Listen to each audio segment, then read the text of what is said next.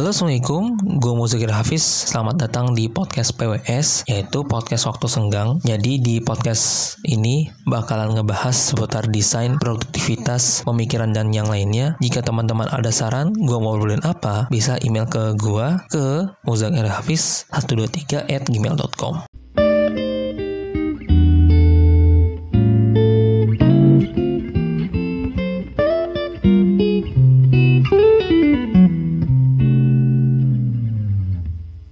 Oke, di podcast ketiga kali ini gue bakal ngebahas kenapa sih kita nggak boleh begadang. Ya, mungkin terdengar klise banget. BTW ini sebenarnya pengalaman dari gue yang pernah begadang ya, jadi disimak aja. Waktu gue pas kelas 10 sampai kelas 12 SMK, itu gue bisa dibilang begadang setiap hari, begadang buat belajar sampai pagi. Ya sebenarnya nggak belajar aja, jadi ada sambilan buat nonton sama baca manga gitu. Nah, dari situ gue akuin untuk skill gue naik secara signifikan, tetapi enggak dengan kesehatan gue.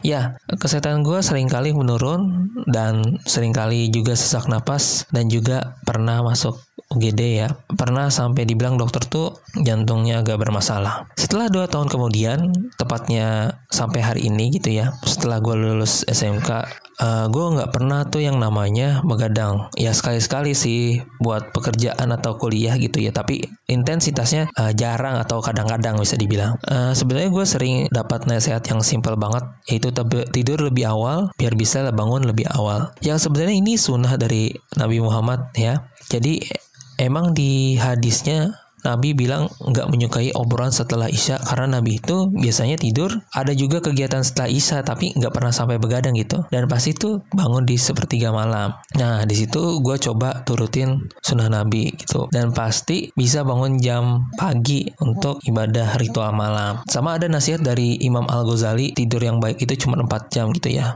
Gue juga pernah dengar di Al-Quran kalau Muslim yang baik itu Muslim yang tidurnya sedikit. Nah ditambah lagi gue juga nge-search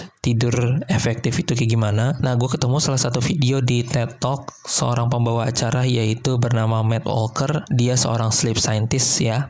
Bisa dibilang pakar tidur. Di situ dia mengajarkan banyak gimana cara tidur yang efektif. Berikut ada 6 tips yang bisa lo ikutin ya. Yang pertama, keteraturan secara terus-menerus. Jadi di sini kita kalau bisa waktu tidurnya dan waktu bangun harus sama. Misal tidur jam 10, bangun jam 4 pagi, tapi dilakukannya secara konsisten. Yang kedua, temperatur. Jadi kita nih kalau bisa kamarnya jangan terlalu tertutup, kalau bisa terbuka karena menurut Mang Matt Walker suhu yang optimal untuk tidur itu sekitar 18 derajat. Yang ketiga ada kegelapan. Jadi kalau kita tidur memang ada sunahnya untuk mematikan lampu ya, yaitu gunanya itu untuk melepas hormon melatonin. Jadi melatonin ini membantu mengatur waktu tidur kita yang sehat. Yang keempat, berjalan keluar. Ini digunakan untuk yang susah tidur, jadi coba saja untuk melakukan hal-hal yang berbeda. Nomor 5, monitor alkohol dan juga kafein. Ya, jadi sering kali kan kita minum kafein di sore hari gitu ya, tapi enggak ya, enggak untuk alkohol gitu. Dan juga malam hari